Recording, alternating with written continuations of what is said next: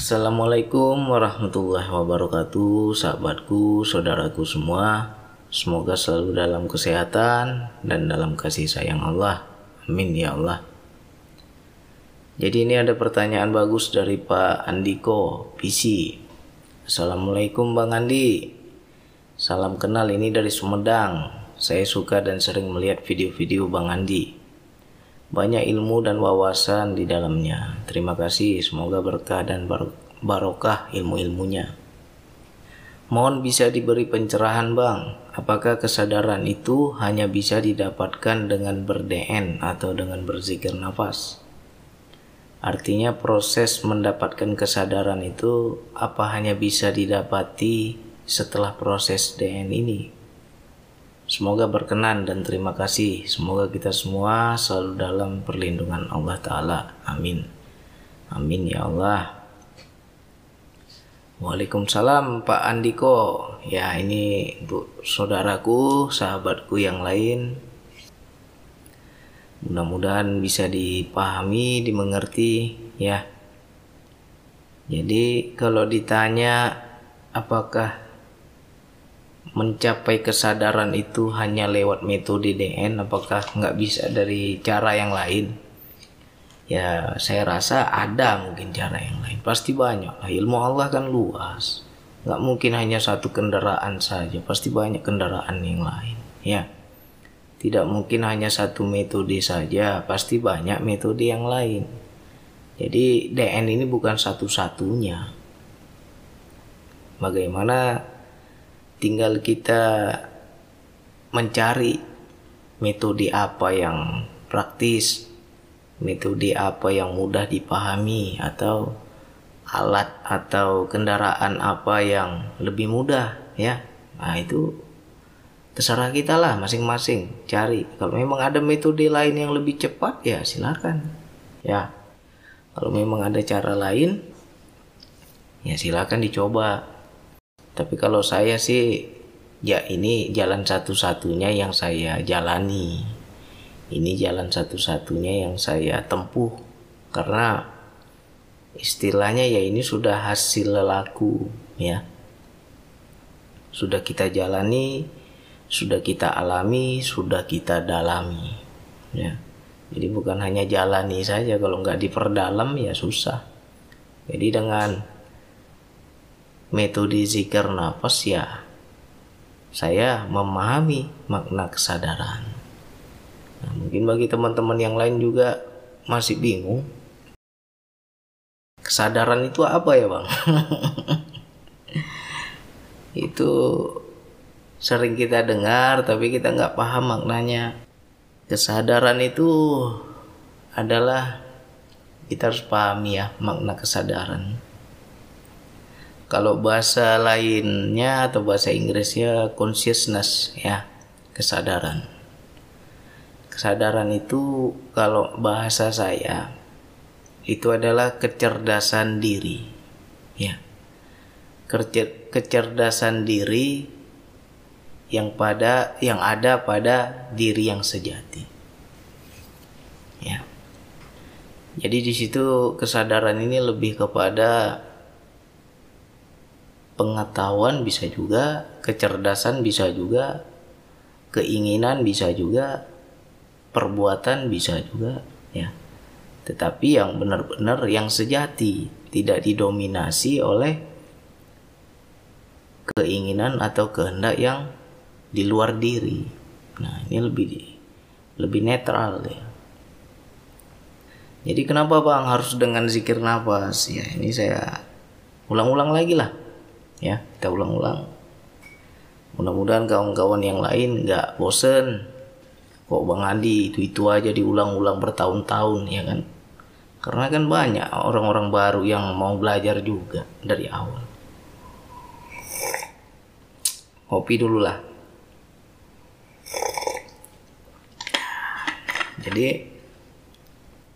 zikir napas tujuannya adalah untuk mengaktifkan kesadaran ya kalau kita dengar ceramah, kita dengar kajian-kajian marifat, kita sering mendengar kalimat apa ya? Saya pun lupa kalimatnya kan. Man arofa nafsahu fakot arofa rabbahu ya. Siapa yang mengenal dirinya maka akan mengenal Tuhannya. Bagaimana bisa kenal kalau kesadaran kita nggak hidup, kesadaran kita nggak aktif ya, kesadaran kita tidak bangkit ya bagaimana kita mau mengenal? Nah dengan zikir nafas inilah kita belajar mengenal. Makanya dalam zikir nafas itu ada suatu lelaku proses tahap kita diam seperti patung. Nah, itu tujuannya apa bang? Kenapa kita dalam DN itu nggak boleh bergerak? Kenapa dalam zikir nafas harus diam? Di situ adalah mematikan segala pikiran, ya, mematikan segala kehendak. Di situ kita juga bisa membaca dan me membedakan mana kehendak diri, mana yang kehendak di luar diri. Ya. Contoh ketika kita digigit nyamuk kan gatal tuh. Kehendak diri kita apa? Kehendak diri ya ingin berzikir kepada Allah. Tapi kehendak di luar diri apa? Gatal. Apa perintahnya? Garuk kan? Garuk itu atau tepuk nyamuknya. Ada perintah. Nah itu namanya perintah di luar diri. Ama di situ kita bisa memisah-misahkan. Ya. Kita bisa apa istilahnya ya mengenal ini kehendak siapa saja di sini. Ya. Kita duduk itu aja banyak itu pelajaran banyak ilmu. Lalu apalagi Kak, apa kaki kita sakit? Ya bang saya DN nggak kuat bang. Duduk timpu lama-lama bang. Kakinya sakit bang. Risih saya bang. Gelisah saya bang. Nah itu kita bedakan lagi mana kehendak diri mana kehendak yang di luar diri ya kita pisah-pisah lagi tuh. Nah makanya banyak orang yang masih menganggap dirinya yang zohir. Ya siapa nama kita? Misalnya Pak Andiko. Pak Andiko merasa dirinya adalah yang zohir. Ya ketika kakinya sakit pasti risih pasti nggak nyaman. Ya kan? Tapi kalau kita merasa diriku bukan yang zohir tapi diriku yang di dalam diriku adalah yang sejati, yang rohani, ya, bukan yang kasar ini. Nah, kalau kita bisa menjadi diri yang di dalam, maka kaki yang sakit itu nggak ada rasa lagi.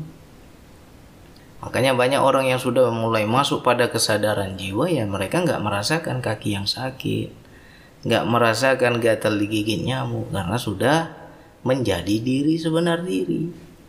Ya masuk dulu ke dalam diri baru kita terpisah dengan yang zohir ini. Ya kan? Lalu apalagi step selanjutnya mengikuti nafas ya. Ketika kita berzikir nafas kita tidak mengatur nafas tidak menahan nafas tidak menarik nafas tidak menghembus nafas. Tetapi kita hanya menyadari, menyaksikan, merasakan mengikuti ya. Nah di situlah kita menjadi diri yang sejati diri yang menjadi saksi penyaksi yang sebenar-benar penyaksi ya. Oh ternyata bukan aku yang bernapas selama ini. Oh ternyata aku ini dinafaskan oleh Allah. Baru kenal ya. Kalau kita merasa bernafas ya kita nggak akan kenal Allah yang menafaskan. Tapi ketika kita menyadari aku ini tidak bernapas, aku hanya diam. Aku tidak ada kehendak. Tapi ternyata ada yang berkehendak. Napas itu masuk sendiri, terdorong sendiri. Aku nggak sanggup menampungnya. Ya, ketika dia hendak keluar, aku pun nggak sanggup menahannya. Keluar juga dengan sendirinya. Berarti di situ ada yang berkehendak. Dan kita menyaksikan siapa yang berkehendak. Ya, baru di situ bisa timbul yang namanya kesadaran, ya.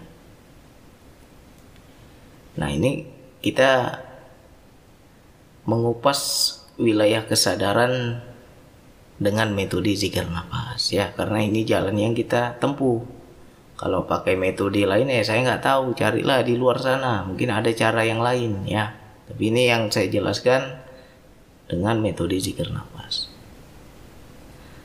Lalu kita menjadi netral. Kita masuk kepada wilayah titik kosong. Karena kita hanya menyaksikan nafas saja tidak berbuat apa-apa tidak berpikir tidak bergerak. Ya kita diam seperti patung tidak bergerak. Hanya menyaksikan saja di situ kita masuk ke titik kosong. Nah, ketika kita masuk ke titik kosong, barulah banyak muncul pikiran yang berkelana ke mana-mana, ya kan? Banyak tuh. Teman-teman ketika DN, kenapa ya bang? Macem-macem pikiran ini berkelana ke mana-mana, muncul sendiri dia. Gak pernah saya ingat, gak pernah saya gambar-gambarkan, ibaratnya saya bayang-bayangkan, muncul sendiri itu tandanya kita masuk ke titik kosong. Itu menjadi ujian. Kita menjadi fokus pada pikiran atau kita tetap kosong, ya. Jadi yang dikatakan kosong di sini ya netral dari sesuatu yang di luar diri tetapi tetap sadar. Jangan kosong nggak sadar. Itu namanya ngeblank. Ya, itu namanya tertidur. Kalau orang tidur ya mana ada sadarnya karena terlalu hanyut ya tertidur jadi untuk mencapai proses sadar ini butuh latihan ya. Butuh metode butuh cara. Nah salah satunya adalah zikir nafas. Di situlah kita menjadi paham. Ada yang berkehendak ada yang bercerita ada yang bicara. Macam-macam itu di pikiran itu. Bisiin ini bisiin itu. Ya khayalan-khayalan kita yang kita nggak pernah ingat muncul sendiri segala macamnya. Itu sebenarnya udah bener nggak nggak salah sebenarnya. Cuman banyak yang terganggu. Bang terganggu saya bang. Nggak bisa fokus bang. Nah ini yang orang nggak paham. Seharusnya itu sudah benar tapi kita jangan arahkan ke situ. Harus tetap kosong harus tetap zero Tugas kita hanya melihat, hanya menyaksikan, hanya merasakan, hanya menyadari. Di situlah nanti muncul kesadaran dan kita menjadi kenal. Ya, seperti nafsu. Kalau nafsu ngomong itu bagaimana? Nah, dengan zikir nafas inilah kita jadi kenal nafsu. Ya, selalu mengajak kepada keburukan. Nah, dalam DN tuh ada nggak kita diajak yang buruk? Banyak tiap hari tuh nafsu itu bicara. Ya kan? Udah nggak usah lagi DN-nya udah cukup. Kakimu udah sakit. Akhirnya apa? Kita hentikan zikirnya. Padahal daya belum masuk itu. Ya kan? Ya nggak nggak sampai sampai kita. Karena apa? Kita sudah dibisikin nafsu udah kalah sama nafsu. Apalagi?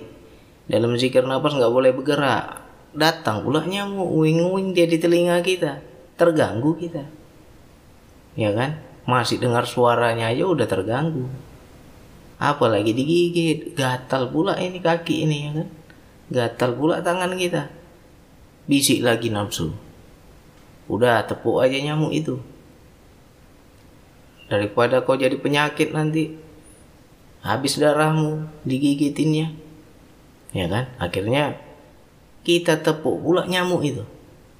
Berarti kita gagal Ya, padahal dalam zikir nafas nggak boleh bergerak. Ini kita malah bergerak. Sama nyamuk aja kita kalah.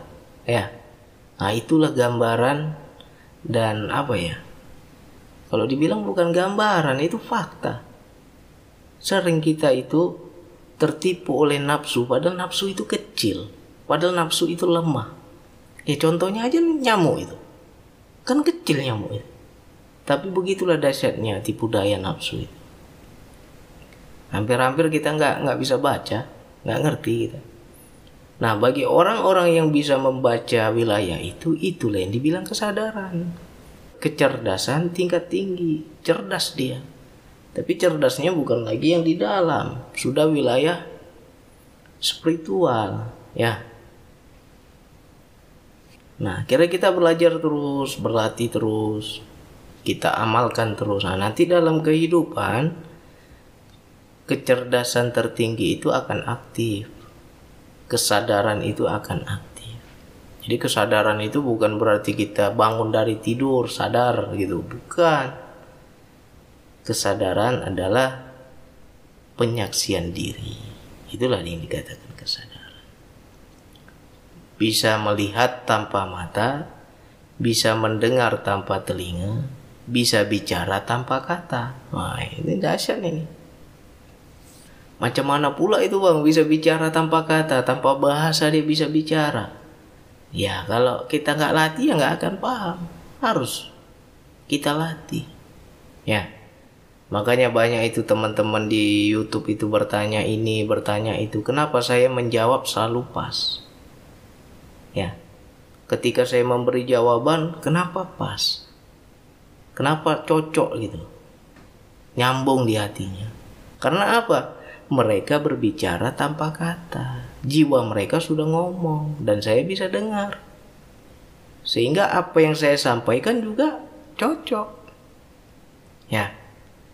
Nah, itulah kecerdasan tertinggi yang kalau kita bilang ilmu langka ini. Bayangkan saja orang-orang terdahulu yang melatih spiritualnya bisa komunikasi jarak jauh istilahnya apa ya? Telepati ya kan? Kenapa ilmu ilmu telepati itu kok hilang sekarang? Kalau orang dulu kok bisa. Nggak pakai telepon nggak pakai surat. Padahal orang yang bersangkutan jauh di luar kota bisa pulang. Tahu dia disuruh pulang. Ya. Karena dia sudah berbicara dengan kesadaran. Bicara tanpa kata, ya kan?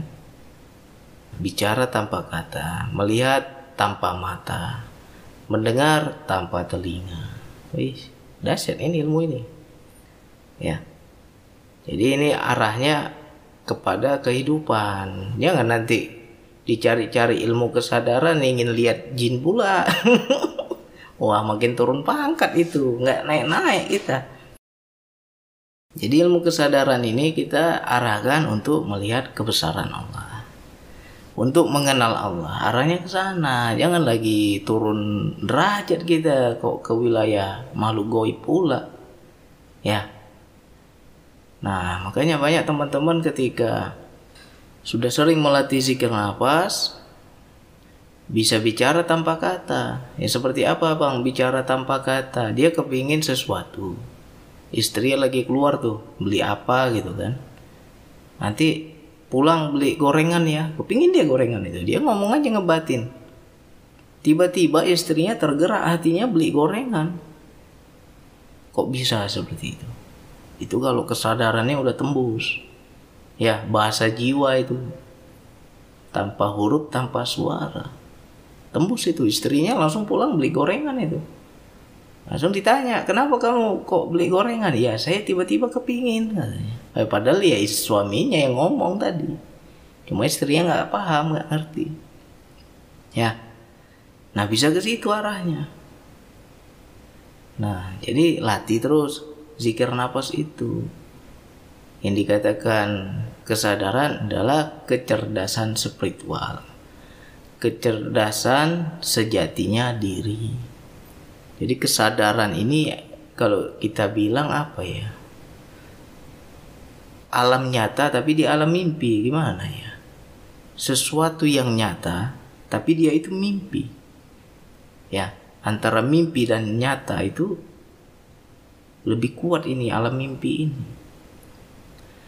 Kita begini, kalau kita tidur kita bermimpi kita kan nggak bisa buat apa-apa, ya kan?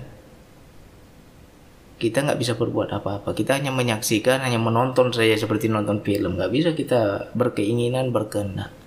Tapi kalau kesadaran dia seperti mimpi tapi dia bisa melakukan sesuatu dan punya kekuatan. Dan apa yang dia gambarkan nanti akan mewujud menjadi nyata. Ya. Nah misalnya kan dia dalam kondisi sadar ya secara zohir ya secara zohir dalam kondisi sadar dalam kondisi terjaga dalam kondisi beraktivitas misalnya kita lagi ngobrol nih lagi ngobrol sama teman-teman misalnya ya kan tiba-tiba kesadarannya aktif kesadarannya aktif seolah-olah bermimpi menangkap signal, menangkap gambar ya. Ada yang datang. Ya. Nah, ditunggu itu berapa menit kemudian benar ada tamu yang datang. Itu namanya kecerdasan tertinggi. Jadi udah lagi bukan lagi dari pengetahuan logika tapi sudah pengetahuan yang wilayah spiritual ya kok bisa tahu dia ada tamu yang datang nah berarti dia sudah duluan menangkapnya di alam rohani tadi ya makna mimpi yang saya maksud adalah wilayah rohani bisa dalam bentuk gambar bisa dalam bentuk suara bisa juga tanpa huruf tanpa suara tanpa gambar tiba-tiba paham aja dia ya terlintas saja di hatinya, ngerti aja dia. Nah, itulah kesadaran yang tertinggi ini. Ya. Nah, kalau kita latih wilayah ini, kita akan mengenal Allah lebih dekat, mengenal kalam-kalamnya, mengenal perintahnya, mengenal ilhamnya, mengenal petunjuknya, ya. Sedangkan lebah saja Allah ilhamkan. Kami mengilhamkan kepada lebah buatlah sarang di bangunan-bangunan yang dibuat oleh manusia. Kan ada itu di Al-Quran. Lebah saja diilhamkan, apalagi manusia. Kenapa kita nggak pernah memahami ilham Allah? Kita disuruh apa oleh Allah? Ya. Makanya orang-orang yang sudah aktif kesadaran jiwanya, kesadaran diri sejatinya, dia akan lebih enjoy hidupnya Ya Allah, aku ada masalah ya Allah. Gak tahu aku caranya ya Allah. Gak tahu aku jalan keluarnya ya Allah. Apa yang harus aku lakukan ya Allah. Nanti dengan kesadarannya itu dia akan menangkap ilham Allah. Allah perintahkan begini, Allah perintahkan begitu, Allah bicara begini, Allah bicara begitu. Dia jadi paham.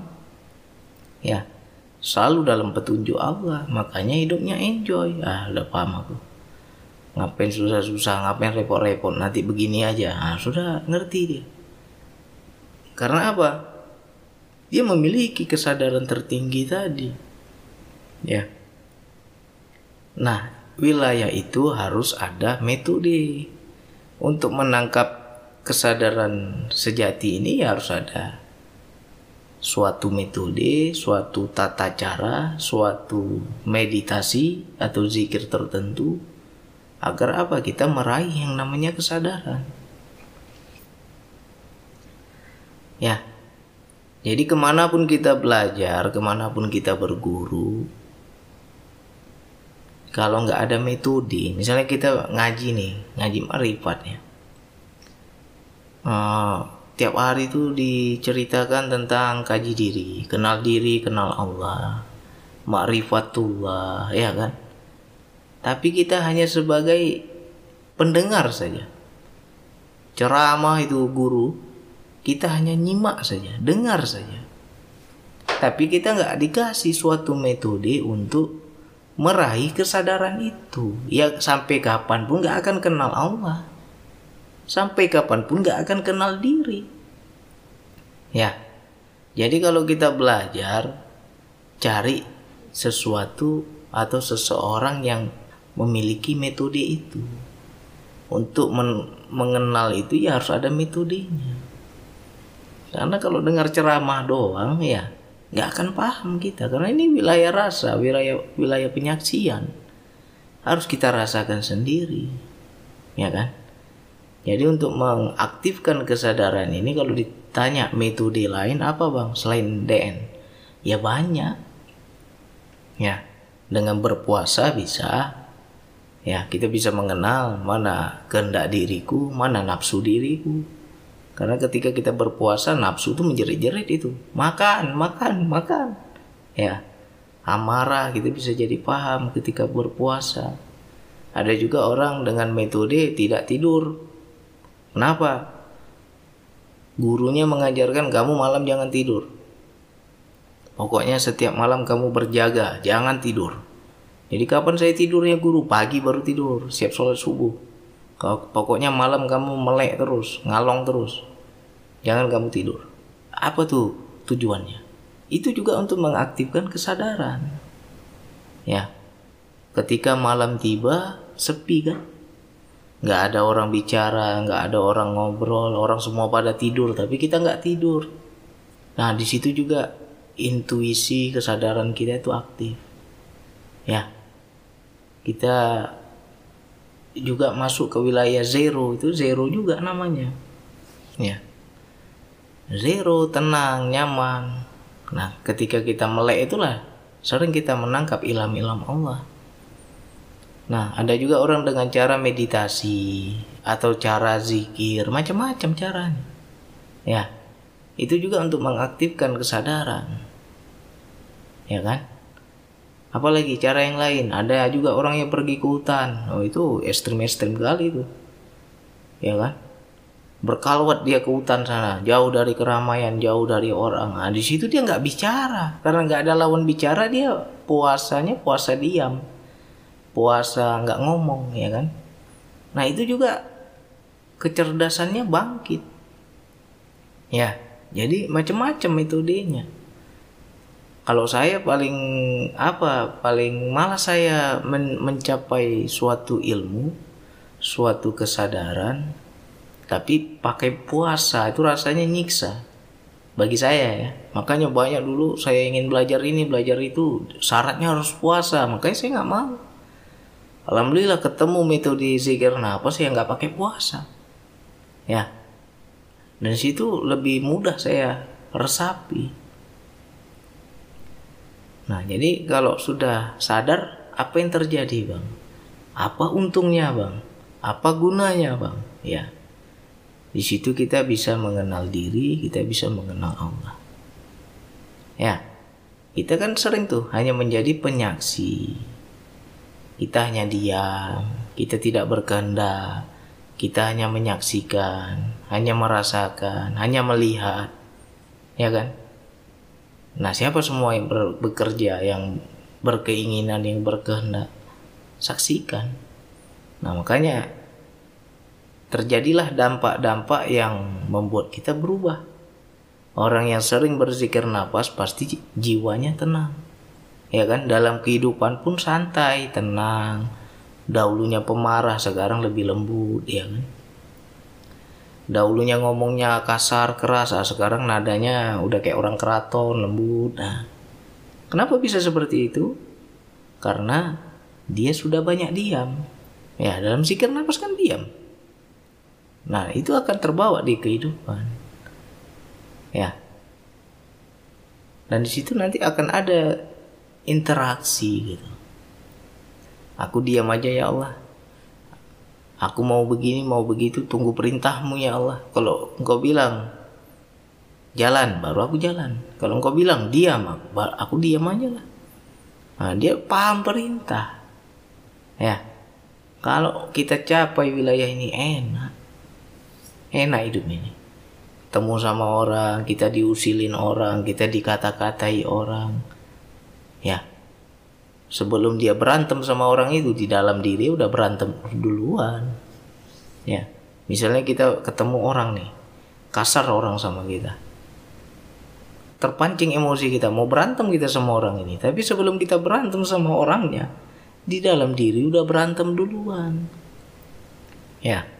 Udah dimarah-marahi kita sama Allah. Ya. Antara nafsu dan diri itu berperang duluan Nah, di situ nggak nggak jadilah.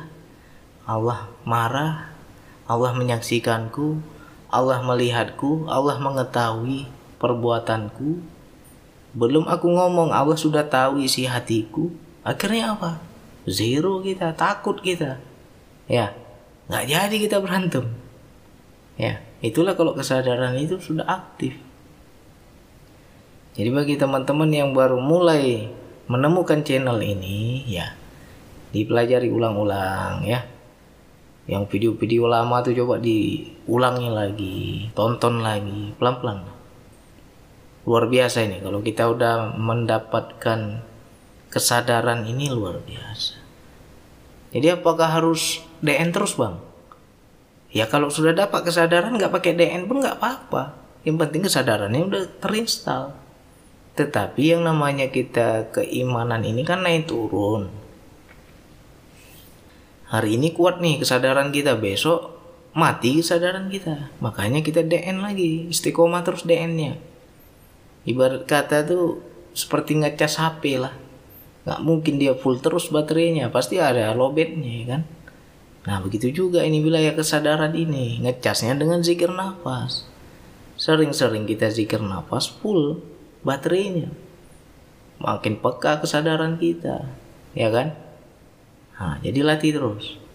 Jadi kalau ditanya metodenya apa aja untuk mencapai kesadaran ya banyak. Tergantung orang yang mengajarkannya dengan cara apa. Tapi kalau dengan cara saya ya zikir nafas yang mudah. Menurut saya ya kan? Nah enak itu kita. Jadi kita capai kesadaran tertinggi ini kalau kita udah dapat, kita udah paham, kita udah peka, enak. Hidup ini enak. Ya kan? Ini apa? Aku lakukan apa ya Allah? Bagaimana caranya ya Allah? Seharusnya seperti apa ya Allah? Ya bicara Allah itu ngomong Allah. Ya, tanpa huruf, tanpa suara, tanpa bahasa, tapi kita paham kalam-kalamnya. Ya, kenapa bisa paham ya? Karena kesadaran ini kan kecerdasan diri. Ya. Nah, kalau digali terus, wih luas ini wilayahnya. Luas. Makanya banyak teman-teman yang kaget-kaget ketika ya banyak kejadian aneh dalam hidup, ya kan? Bang, aku kepingin sate, bang. Nggak ngomong aku bang, baru dalam hati datang orang bawa sate. Kok bisa pas ya? tamu itu datang kok bawa sate ya bang nah kan bingung kan sejatinya itulah kecerdasan tinggi ya gali terus explore terus. Ya kita latih terus. Mudah-mudahan ini manfaat untuk kita semua. Ya kita istiqomah terus belajar terus. Hanya itu yang bisa saya, saya sampaikan. Wassalamualaikum warahmatullahi wabarakatuh